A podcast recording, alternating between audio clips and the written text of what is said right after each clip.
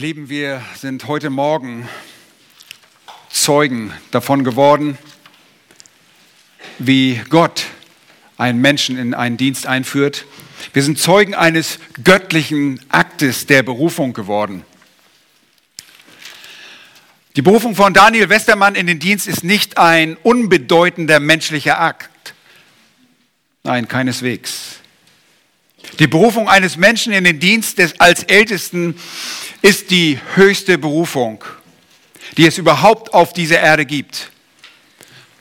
Und sie geschieht auf Wirkung des Heiligen Geistes und ist ein heiliger Akt der Aussonderung durch Gott selbst. Ein Mann wird in den bedeutungsvollsten Dienst berufen, den die Menschheit kennt. Diese Diensteinführung ist bedeutsamer als die Amtseinführung eines Kanzlers oder einer Kanzlerin. Dieser Dienst ist bedeutsamer als der Amtsantritt eines US-amerikanischen Präsidenten, der in dieser Welt als der wichtigste Mann auf Erden gesehen wird. Wir, ihr Lieben, tun gut daran, uns an diese Wahrheit zu erinnern. Dieser Ältesten, dieser Hirtendienst, dieser Aufseherdienst ist ein ehrenhafter, wichtiger Dienst. Ich selbst tue gut daran, mir neu bewusst zu machen, welche Würde dieser Dienst besitzt und dass ich mich dementsprechend verhalte und entsprechend mit Ernst und Hingabe meinen Dienst mit Freude verrichte. Das ist der Segen einer solchen Einsetzung, darüber neu nachzudenken. Heute Morgen geht es bei meiner Verkündigung, und ihr seht, die Zeit ist vorangeschritten, wir werden keine Stunde hier sitzen, aber es geht heute Morgen darum, die hohe Würde der, des Ältestendienstes zu sehen. Die hohe Würde des Ältestendienstes. Und diese hohe Würde des Ältestendienstes lässt sich erkennen an fünf Dingen. Und diese fünf Dinge möchte ich mit euch anhand des Textes aus Kolosser 1, die Verse 24 bis 29 betrachten. Die hohe Würde des Ältestendienstes lässt sich erkennen, erstens, an dem Dienst des Apostel Paulus. Zweitens, dem Auftraggeber des Dienstes. Die hohe Würde des Ältestendienstes lässt sich an dem Mittel und der Methode erkennen, die Gott diesem Dienst zugedacht hat. Und viertens, die Würde des Ältestendienstes lässt sich erkennen an der Absicht, die dieser, die dieser Dienst verfolgt. Und fünftens, keine Angst, ich wiederhole das noch, die Würde des Ältestendienstes lässt sich an der Hilfe für diesen Dienst erkennen. Nun, lasst uns langsam vorangehen. Die erste, der erste Punkt ist, die hohe Würde des Ältestendienstes lässt sich an dem Dienst des Apostel Paulus erkennen.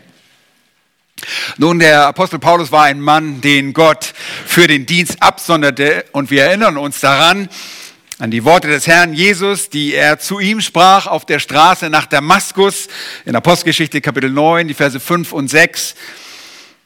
Da sagt der Herr, ich bin Jesus, den du da verfolgst, zu Saulus, der dann Paulus wird. Doch steh auf, geh in die Stadt und es wird dir gesagt werden, was du tun sollst. Und das, was er tun sollte und sein würde, das wurde ihm durch Hananias oder Ananias, je nachdem, wie wir das Atemzeichen drehen, im Griechischen ist es Ananias. Das wurde ihm vom Ananias vermittelt und in Apostelgeschichte 9 lesen wir davon. Der Herr sprach zu ihm, zu Ananias, geh hin, denn dieser ist mir ein auserwähltes Werkzeug, meinen Namen zu tragen, sowohl vor Nationen als Könige und Söhne Israels. Denn ich werde ihm zeigen, wie vieles er für meinen Namen leiden muss. Das sind die Verse 15 bis 16. Saulus, der dann zu Paulus wurde, wird zu einem Gesandten des Herrn Jesus, ein Apostolos Jesu Christo. Er sollte ein Verkündiger des Herrn Jesus werden und seinen Namen vor Nationen und Könige als auch dem Volk Israel bringen. Ja, er war ein Apostel, aber auch als ein Teil des Leibes im Kontext der entstandenen Gemeinde wurde er zur Ältestenschaft hinzugezählt. Das könnt ihr überprüfen, wenn ihr die beiden Texte aus 1 Timotheus 4, Vers 14 und 2 Timotheus 1, Vers 6 miteinander vergleicht. Und dann werdet ihr verstehen, dass selbst ein Paulus zu der Ältestenschaft im Kontext, im Zusammenhang der Gemeinde gezählt wurde. Er ist unser Vorbild im Dienst der Gemeinde Jesu. Paulus selbst verkündigte und diente in seiner Berufung inmitten von Widerstand und Leid mit äußerster Hingabe und sagt in unserem Text, jetzt freue ich mich in den Leiden für euch und ergänze in meinem Fleisch, was noch aussteht von den Bedrängnissen des Christus für seinen Leib. Das ist die Gemeinde.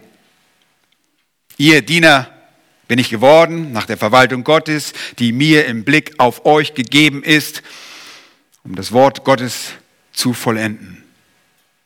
Paulus diente dem lebendigen Gott nicht in einer uns gewohnten gewaltfreien Art und Weise, hm, sondern unter viel Druck und Widerstand. Und ihr Lieben, das Umfeld, aus dem er jetzt schreibt, ist das Umfeld eines Gefängnisses. Er sitzt im Gefängnis in Rom, während er den Brief an die Kolosser schreibt.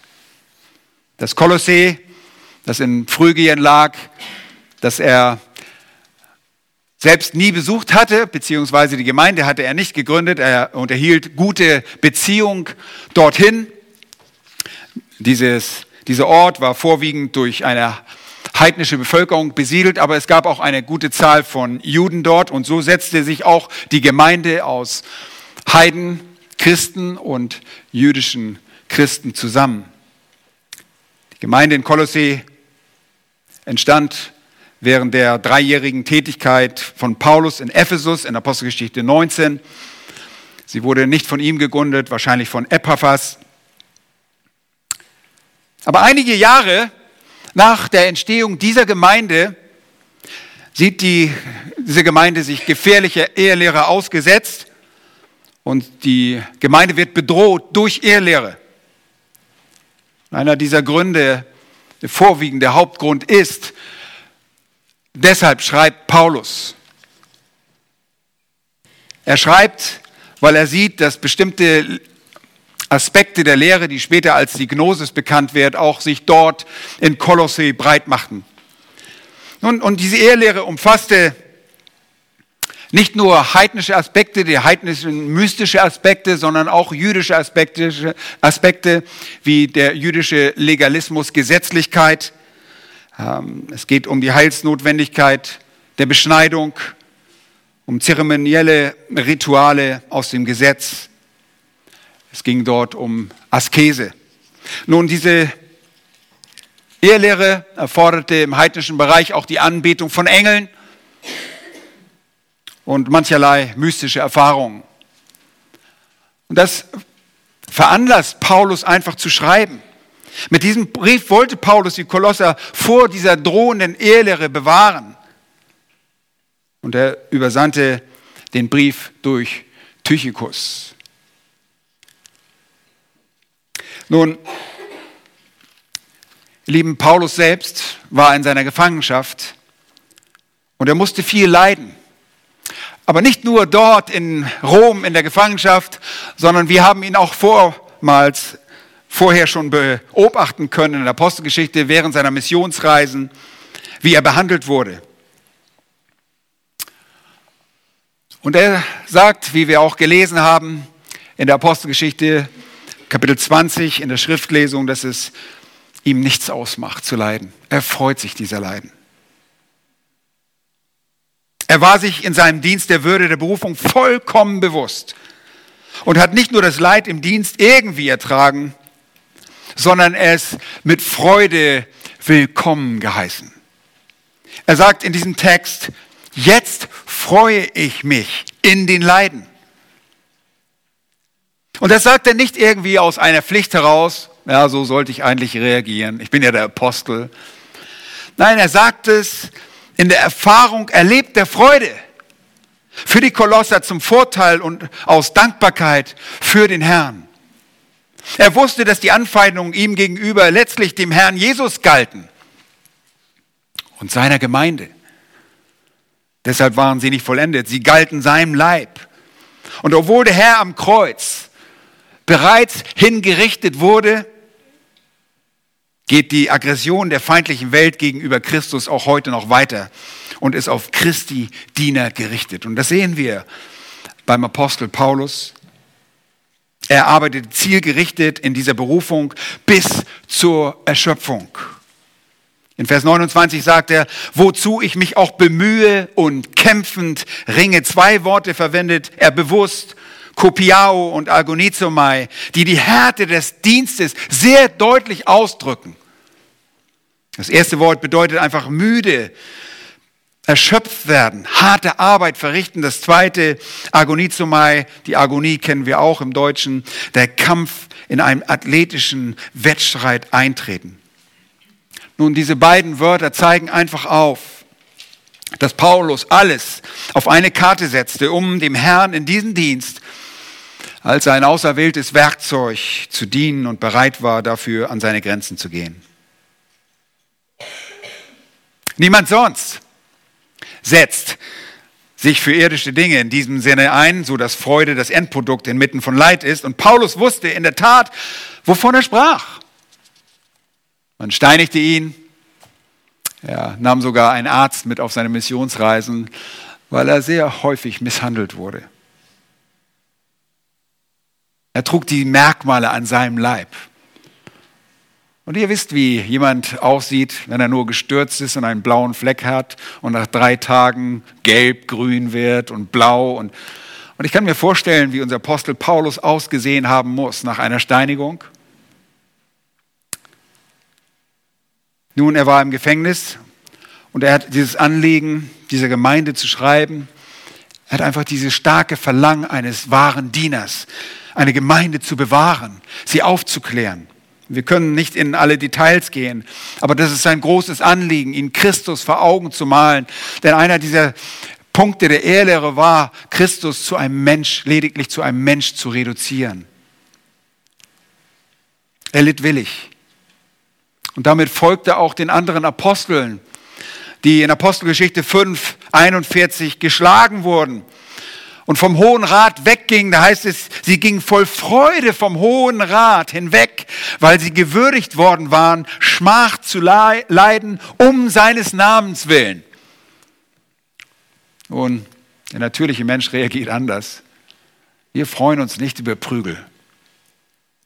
Lieber Daniel als ein berufener ältester Hirte und Aufseher über die Gemeinde des Herrn in Hohenschönhausen an dem Dienst seiner Gemeinde in Hohenschönhausen, seinem Leib, seiner Braut, wärst du auf das Äußerste gefordert. Das hast du schon zum Teil mitbekommen. Wir haben friedliche Zeiten in unserem Land gehabt und wir freuen uns immer noch über unsere Freiheiten. Aber täuschen wir uns nicht, das Blatt kann sich sehr bald auch in unserem Land wenden und Verfolgung, die Normalsituation für die Gemeinde, kann bei uns zu Lande an der Tagesordnung sein. Als Ältester kann es dir als erstes an den Kragen gehen. Die Leiter der Gemeinde Jesu sind gewöhnlich diejenigen, die als das, die primäre Zielscheibe der Aggressoren benutzt werden. Daniel, wenn das so sein sollte, dann erinnere dich an die Worte des Apostels, der alles bereitwillig mit Freude ertragen hat. Und das bis an sein Lebensende. Der Dienst des Apostels mit all seinen Erfahrungen, mit all seinen Leiden, möge dir die hohe Würde des Ältestendienstes anzeigen. Ein erwählter Mann Gottes leidet bereitwillig mit Freudigkeit für einen Dienst, der es wert ist. Daniel, vergiss nicht, stark und mutig zu sein. Das wird im Alten Testament mehrmals zum Aufruf kommen. Josua bei der Landeinnahme, sei stark und mutig. Vergiss nicht, stark und mutig zu sein, wenn der Wind dir hart ins Gesicht bläst. Und freue dich. Nun, die hohe Würde des Ältestendienstes lässt sich auch an dem Auftraggeber des Dienstes erkennen. Vers 25 in der Schlachter 2000 heißt es, den, äh, deren, das ist die Gemeinde, Diener ich geworden bin, gemäß der Haushalterschaft, die mir von Gott für euch gegeben ist, dass ich das Wort Gottes voll ausrichten soll. Nun, Paulus wurde gewissermaßen zu einem Haushalter, zu einem Verwalter über das Haus Gottes, das die Gemeinde ist. Er wurde ein Verwalter für einen bestimmten Herrn, nämlich seinen Herrn. Und dieser Gott hat ihm diesen Auftrag gegeben. Er ist der Auftraggeber. Wenn du heute eingesetzt wirst, dann ist dein Auftraggeber nicht die Bibelgemeinde Berlin. Dann sind es nicht zwei andere äh, oder drei andere Älteste und noch ein paar andere Leute, sondern dann ist es der lebendige Gott. Der Auftraggeber ist Gott selbst. Daniel, und du wurdest nicht direkt und verbal wahrnehmbar oder auditiv, wie sagt man, ja, hörbar wahrnehmbar berufen auf der Straße nach Hohenschönhausen. Du hattest nicht eine Erleuchtung oder gar nächtliche Vision, die dir aufzeigte, dass du der Gemeinde dienen solltest. Nein, so war es nicht. Deine Berufung ist dennoch vom Herrn, von Gott, der durch seinen Dienst dich für das Werk eines Unterhirten abgesondert hat. Und er hat es dir gegeben, wie einst dem Apostel Paulus. Er hat dir die Liebe zum Wort und der Gemeinde gegeben. Er hat dich berufen. Nun, viele Christen verstehen heute diese Berufung nicht. Wie das vor sich geht. Und in manchen Kreisen, die ihre Leiter bestimmen, gehen einfach demokratisch vor. Und nachdem sich irgendein Mann oder sogar manchmal sogar eine Frau als in diese Leiterposition begeben will, dann äh, stellt man diese Person einfach auf zur Wahl und die Versammelten werden gefragt, jeweils eine Stimme abzugeben. Und nach der Mehrheit wird entschieden. Tante Frieda hat mehr als Onkel Herbert, also wird Tante Frieda Älteste. Und das ist eine Verzerrung der biblischen Maßstäbe bei der sich der Mensch auf die Ebene Gottes erhebt und selbst wählt, indem er selbst die Maßstäbe äh, für die Leiter bestimmt und erhebt. In Vers 25 heißt es, mir wurde die Haushalterschaft von Gott gegeben.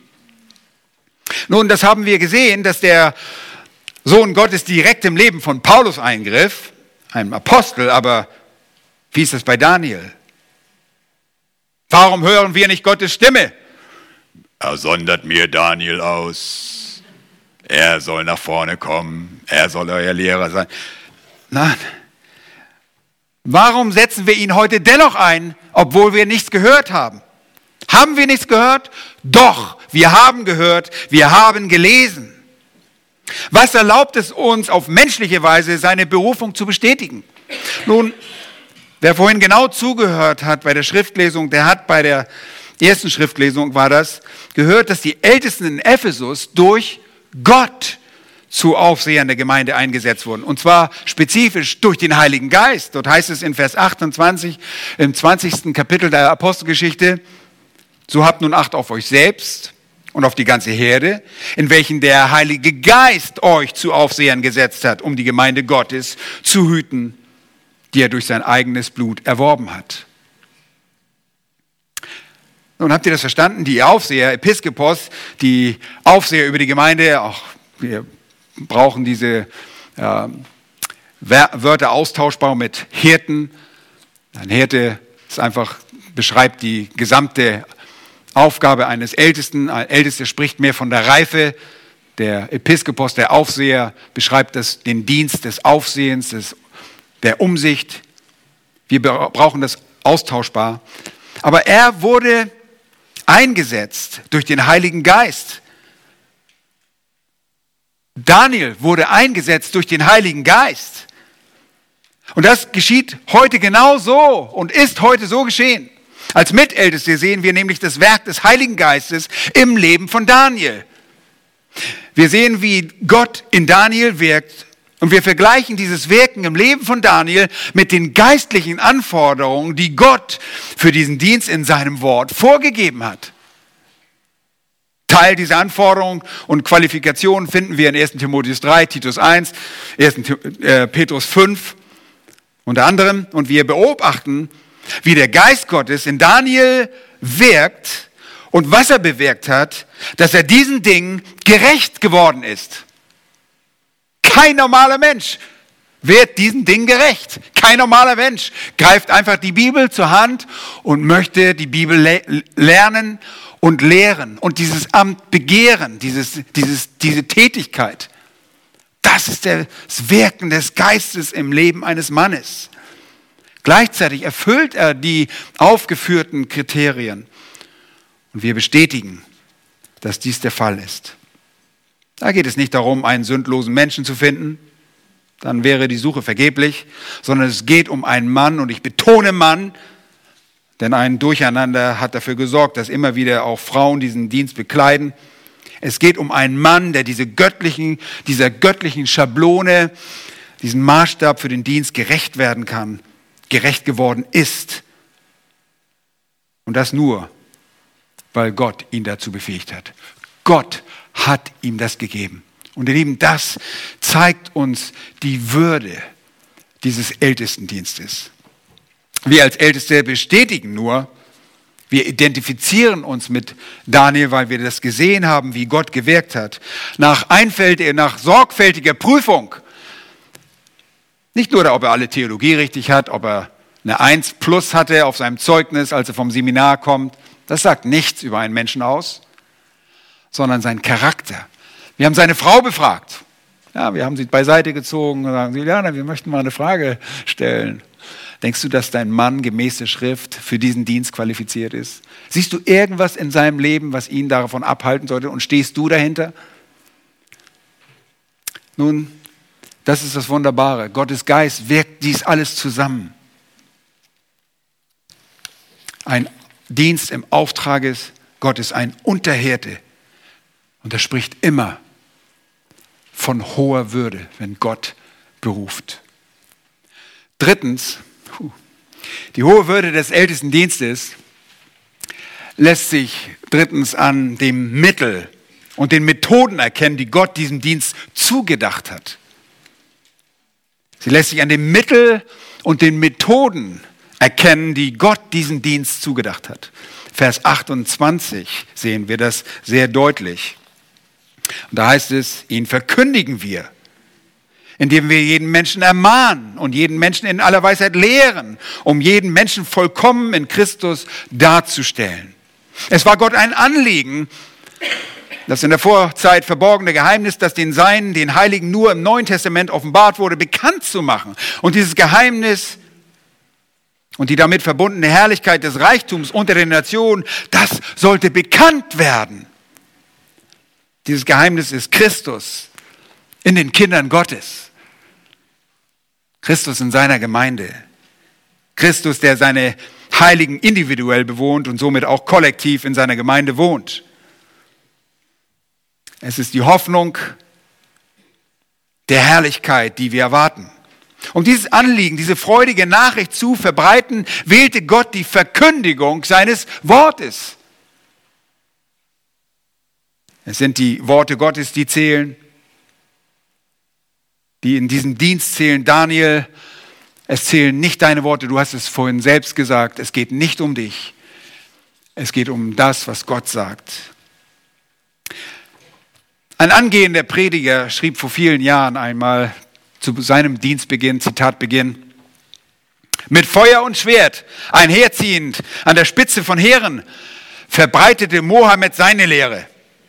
Aber eben durch diese Anwendung gewaltsamer Mittel gab er den bloß menschlichen Ursprung seiner Lehre zu erkennen und berechtigte er den denkenden Beobachter an der Wahrheit seiner Worte zu zweifeln. Wie ganz anders bei Christo.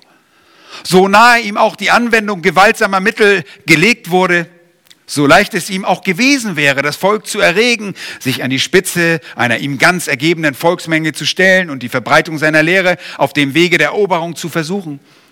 So dachte doch Christus an nichts weniger als an die Eingreifung, Ergreifung solcher Mittel und wich allen Versuchungen, Versuchungen, die ihm in dieser Hinsicht gelegt wurden, mit weiser Vorsicht aus. Er erklärte, mein Reich ist nicht von dieser Welt. Ich bin dazu in die Welt gekommen, dass ich die Wahrheit zeugen soll.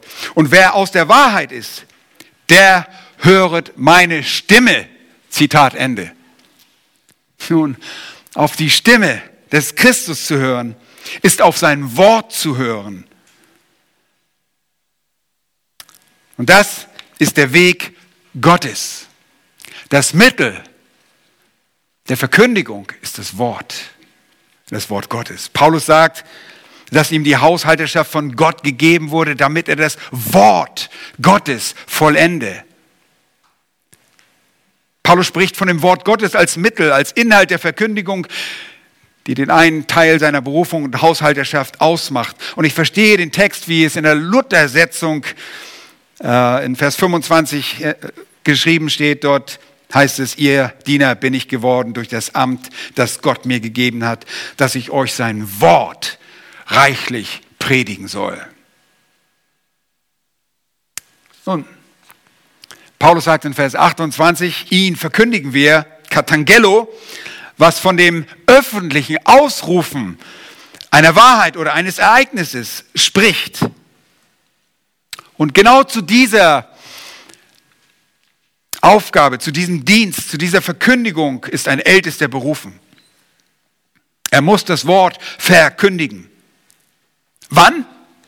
Und Paulus sagt zu Timotheus, und ich muss oft denken, ich denke manchmal, wenn ich Daniel sehe, er ist ein Timotheus,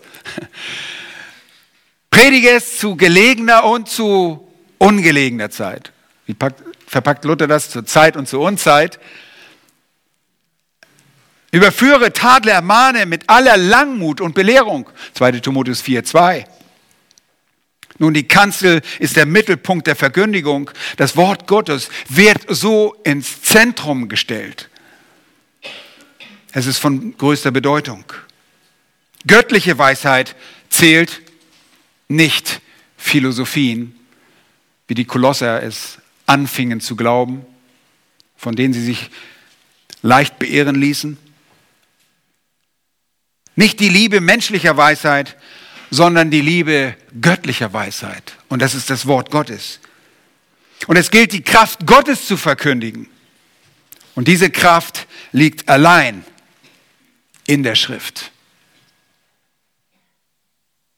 Es ist ein kraftvolles Mittel und zeugt von der Würde dieser Berufung.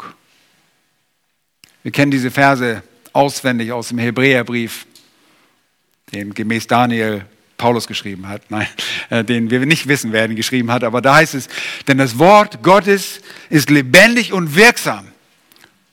Das Wort Gottes ist lebendig und wirksam und schärfer als ein zweischneidiges, als jedes zweischneidige Schwert.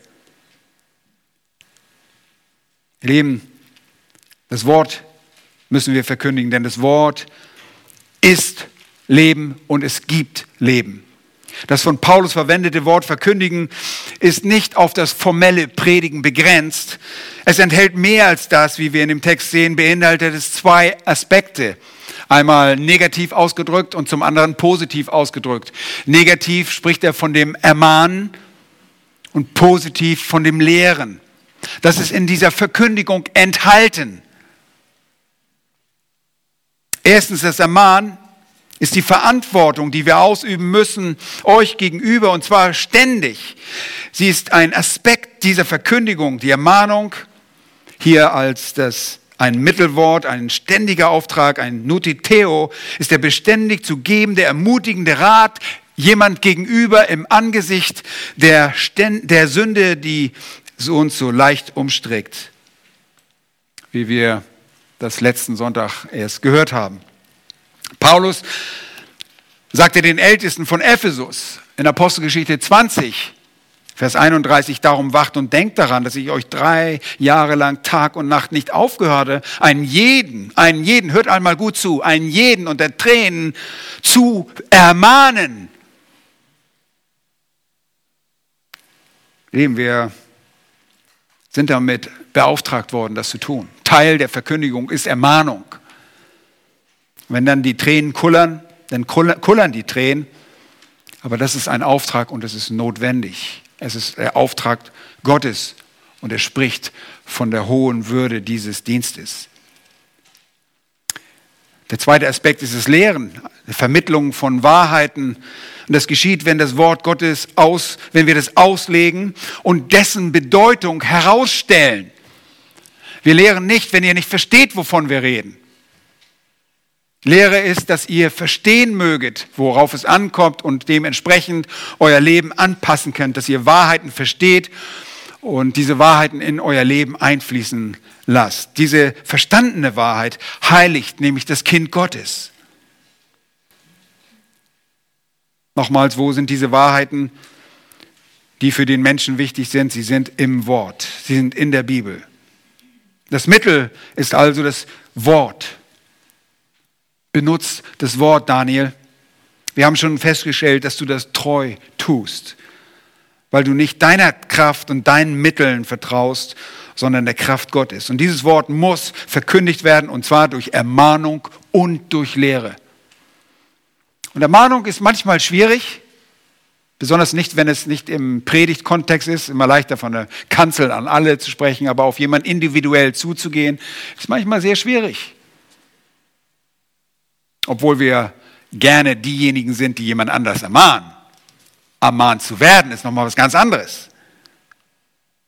Aber das ist unser Auftrag. Das ist dein Auftrag.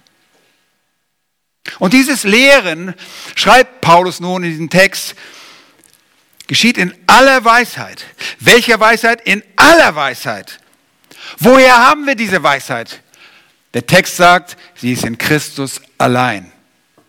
Nun, wenn wir den Text schnell überfliegen, dann fragen wir uns, wie kann das Weisheit in Christus allein? Moment mal, das ist mir irgendwie so mystisch, ich kann da nichts mit anfangen. Nun, wir lesen ein bisschen weiter in dem Text, da heißt es von Christus in Kapitel 2, in welchen alle Schätze der Weisheit und Erkenntnis verborgen sind. Sie sind in Christus und in seinem Wort. Wisst ihr, die Bibel wird auch das Wort des Christus genannt. Lesen wir nur im Kapitel 3 weiter im Kolosserbrief. Dort heißt es in Vers 16, lasst das Wort des Christus reichlich in euch wohnen. Wie? In aller Weisheit. Lehrt und ermahnt einander, heißt es da in Kapitel 3, Vers 16, noch einmal. Und singt Psalm und Lobgesängen und geistlichen Liedern dem Herrn lieblich in euren Herzen. Wir lehren in aller Weisheit, wenn wir die praktischen Ratschläge und das Wort Gottes lehren. Wie wir in der ersten Stunde gehört haben, in der biblischen Seelsorge, wenn wir auf das Wort Gottes zurückgreifen, lehren wir seine Weisheit. Nicht das, was wir erdenken, was wir beobachten, was den Menschen ausmacht, sondern die müssen wir uns erarbeiten aus dem Wort Gottes. Und diese Weisheit lässt ihre Stimme hören, sie ruft überall. Ergreife mich. Sie ist zu finden in dem Wort Gottes. Und man pflückt sie nicht nur im Vorbeigehen ab. Es erfordert sehr viel Studium, um an diese Weisheit heranzugelangen, aber sie ist in den Worten Gottes. Und der Prediger tut dies für euch. Der Älteste, der Daniel, der jetzt als Ältester eingesetzt hat, verbringt viele Stunden im Wort Gottes um Gottes Weisheit zu erforschen, um euch in aller Weisheit zu unterrichten. Nicht menschliche Ratschläge, sondern Gottes Denken. Nun, in der Schrift lesen wir viel vom Lehren. Und der Herr ist unser Vorbild. In Markus Kapitel 1 lesen wir Vers 21 und 22, sie begaben sich nach äh, Kapernaum und er ging am Sabbat sogleich in die Synagoge und lehrte. Und sie erstaunten über seine Lehre, denn er lehrte wie einer, der Vollmacht hat und nicht wie die Schriftgelehrten. Rate mal, was er gelehrt hat. Nun, alles, was aus dem, Wort, aus dem Munde Gottes kam, Jesu kam, war Gottes Wort. Ist euch das mal durch den Kopf gegangen? Wenn Gott spricht, ist es Gottes Wort. Kein Wunder, dass es immer mit Vollmacht war. Wir in der Verkündigung sind nur vollmächtig, wenn wir das Wort Gottes predigen. Unsere Worte zählen einfach nichts. Es interessiert nicht, was ich oder du denkst als Verkündiger. Und der Herr gibt uns ein Beispiel dafür, dass er gerade deshalb gekommen ist zur Verkündigung er sagt wenige Verse später, sagt er, lasst uns in die umliegenden Orte gehen, damit ich auch dort verkündige, denn dazu bin ich gekommen. Und er verkündigte ihn ihren Synagogen in ganz Galiläa. Markus 1, 38, 39. Dazu ist er gekommen, zu lehren und zu verkündigen. Und Lehre ist ein Aspekt dieser Verkündigung. Und ihr wisst auch, dass er oft gemahnt hat. Er hat sehr viel von der Hölle gesprochen. Mehr als vom Himmel. Gewarnt und ermahnt. Wir haben das Wort Gottes als Mittel und die Methodik erkennen wir in der Verkündigung, sprich im Ermahnen und im Lehren. Die Würde des Ältestendienstes erkennst du an diesem Mittel. Es ist Gott selbst.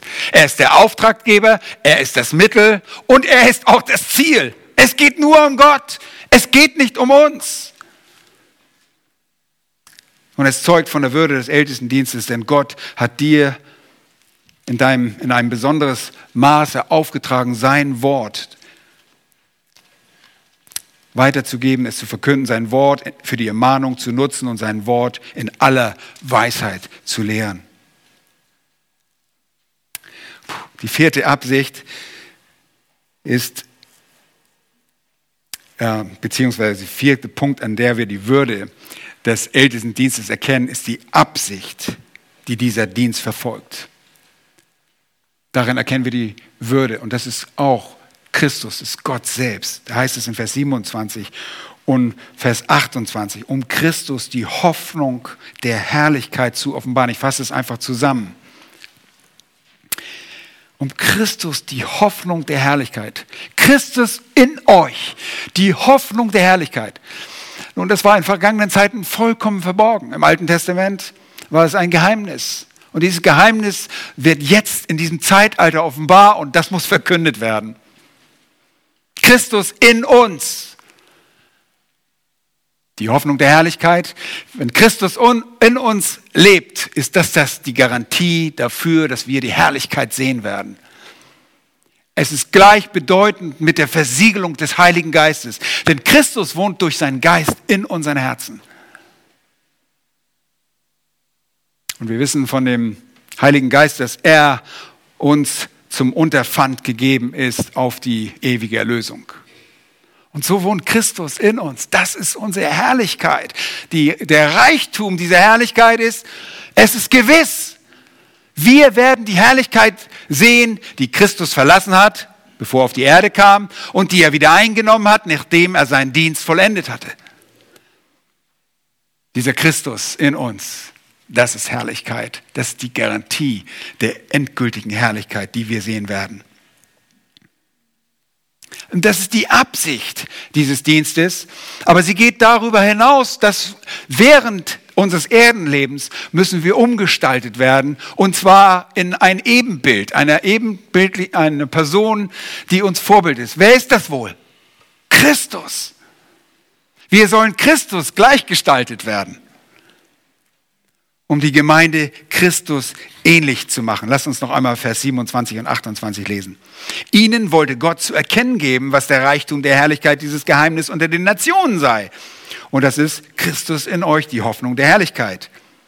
Ihn verkündigen wir, indem wir jeden Menschen ermahnen und jeden Menschen in aller Weisheit lehren, um jeden Menschen vollkommen in Christus darzustellen. Dieses Vollkommen spricht von der Reife. Wir möchten Menschen zur Reife führen. Es ist nicht in einem absoluten Maße zu verstehen, dass wir in Sündlosigkeit führen. Das gibt es auf dieser Seite der Ewigkeit nicht. Das wird eines Tages so sein, wenn wir bei ihm sind. Aber hier führen wir Menschen zur geistlichen Reife. Das ist das Ziel. Wir wollen sein wie Christus. Und ihr Lieben, das zeigt uns die hohe Würde des Dienstes. Sie zielt darauf ab, dass unser Dienst bewirkt, dass wir sind wie Christus. Das geht nicht ohne die von ihm zur Verfügung gestellten Mittel oder das Mittel, das Wort und die Methodik der Verkündigung und der, des Ermahnens und des Lehrens. Oh, welch hohe Berufung, den Reichtum dieses Geheimnisses der Herrlichkeit bekannt machen zu dürfen. Damit beauftragt zu werden, spricht von der Würde. Und wir wissen es selbst, ich überspringe ein paar Seiten. Ähm, es ist die Wahrheit, die unser Herz verändert. dieses Mittel nochmals, das Wort ist es, was uns verändert. Jesus spricht im hohen priesterlichen Gebet in Johannes 17, 17. Und er betet dort für seine Jünger. Heilige sie durch. Durch was? Durch die Wahrheit. Dein Wort ist Wahrheit. Durch die Wahrheit. Deshalb ist das Mittel und das Ziel miteinander verknüpft. Es ist verknüpft. Den Thessalonichern schreibt Paulus im ersten Thessalonicher Brief, Kapitel 2, Vers 13, spricht er, sie nehmen das Wort nicht an als Menschenwort, sondern als das, was es wahrhaftig war, welches unter euch wirkt, die ihr gläubig seid, sagt er dort am Ende. Es ist das Mittel, das das Ziel erreicht, die Absicht dieser Berufung. Und das müssen wir uns vor Augen halten. Und dann weiß ich, das ist eine hohe Würde. Wir wollen Menschen in das Bild Gottes umgestaltet sehen. Das macht Gott eigentlich. Wir sind nur Instrumente. Deshalb kann ich nicht zu meinen Methoden greifen, zu meiner Weisheit. Wir brauchen die göttliche Weisheit und das ist das Wort Gottes. Die hohe Absicht orientiert sich an Christus allein. Es ist die Hoffnung der Herrlichkeit, die es zu offenbaren, verkündigen gilt und alle Ermahnung und alle Lehre zielt darauf ab, dass das Kind Gottes so wie Christus ist. Das ist, worauf der Dienst der Ermahnung und Lehre abzielt. Und fünftens erkennen wir die hohe Würde der ältesten Berufung, des ältesten Dienstes an der Hilfe für diesen Dienst. Der Hilfe für diesen Dienst. Und das ist so wunderbar. In Vers 29 drückt er das so aus, wozu ich mich auch bemühe und kämpfen dringe, gemäß seiner Wirksamkeit, die in mir wirkt. Es ist seine wirksame Kraft, die in dem Verkündiger wirkt. Es ist die wirksame Kraft, die durch das Wort wirkt. Wir haben schon von der Kraft des Wortes gesprochen. Es ist der, die Kraft des Heiligen Geistes, die in dem Verkündiger wirkt. Und es muss die Kraft des Heiligen Geistes sein, die in dem Zuhörer wirkt. Das Wort, das ich heute verkündige, egal was wir verkündigen von der Kanzel aus, bewirkt nichts, wenn es in der Weisung des Geistes nicht in der Erweisung des Geistes geschieht und wenn Gott nicht selber an euch arbeitet durch seinen Geist. Es geht hier rein und da wieder raus. Aber sein Geist wirkt.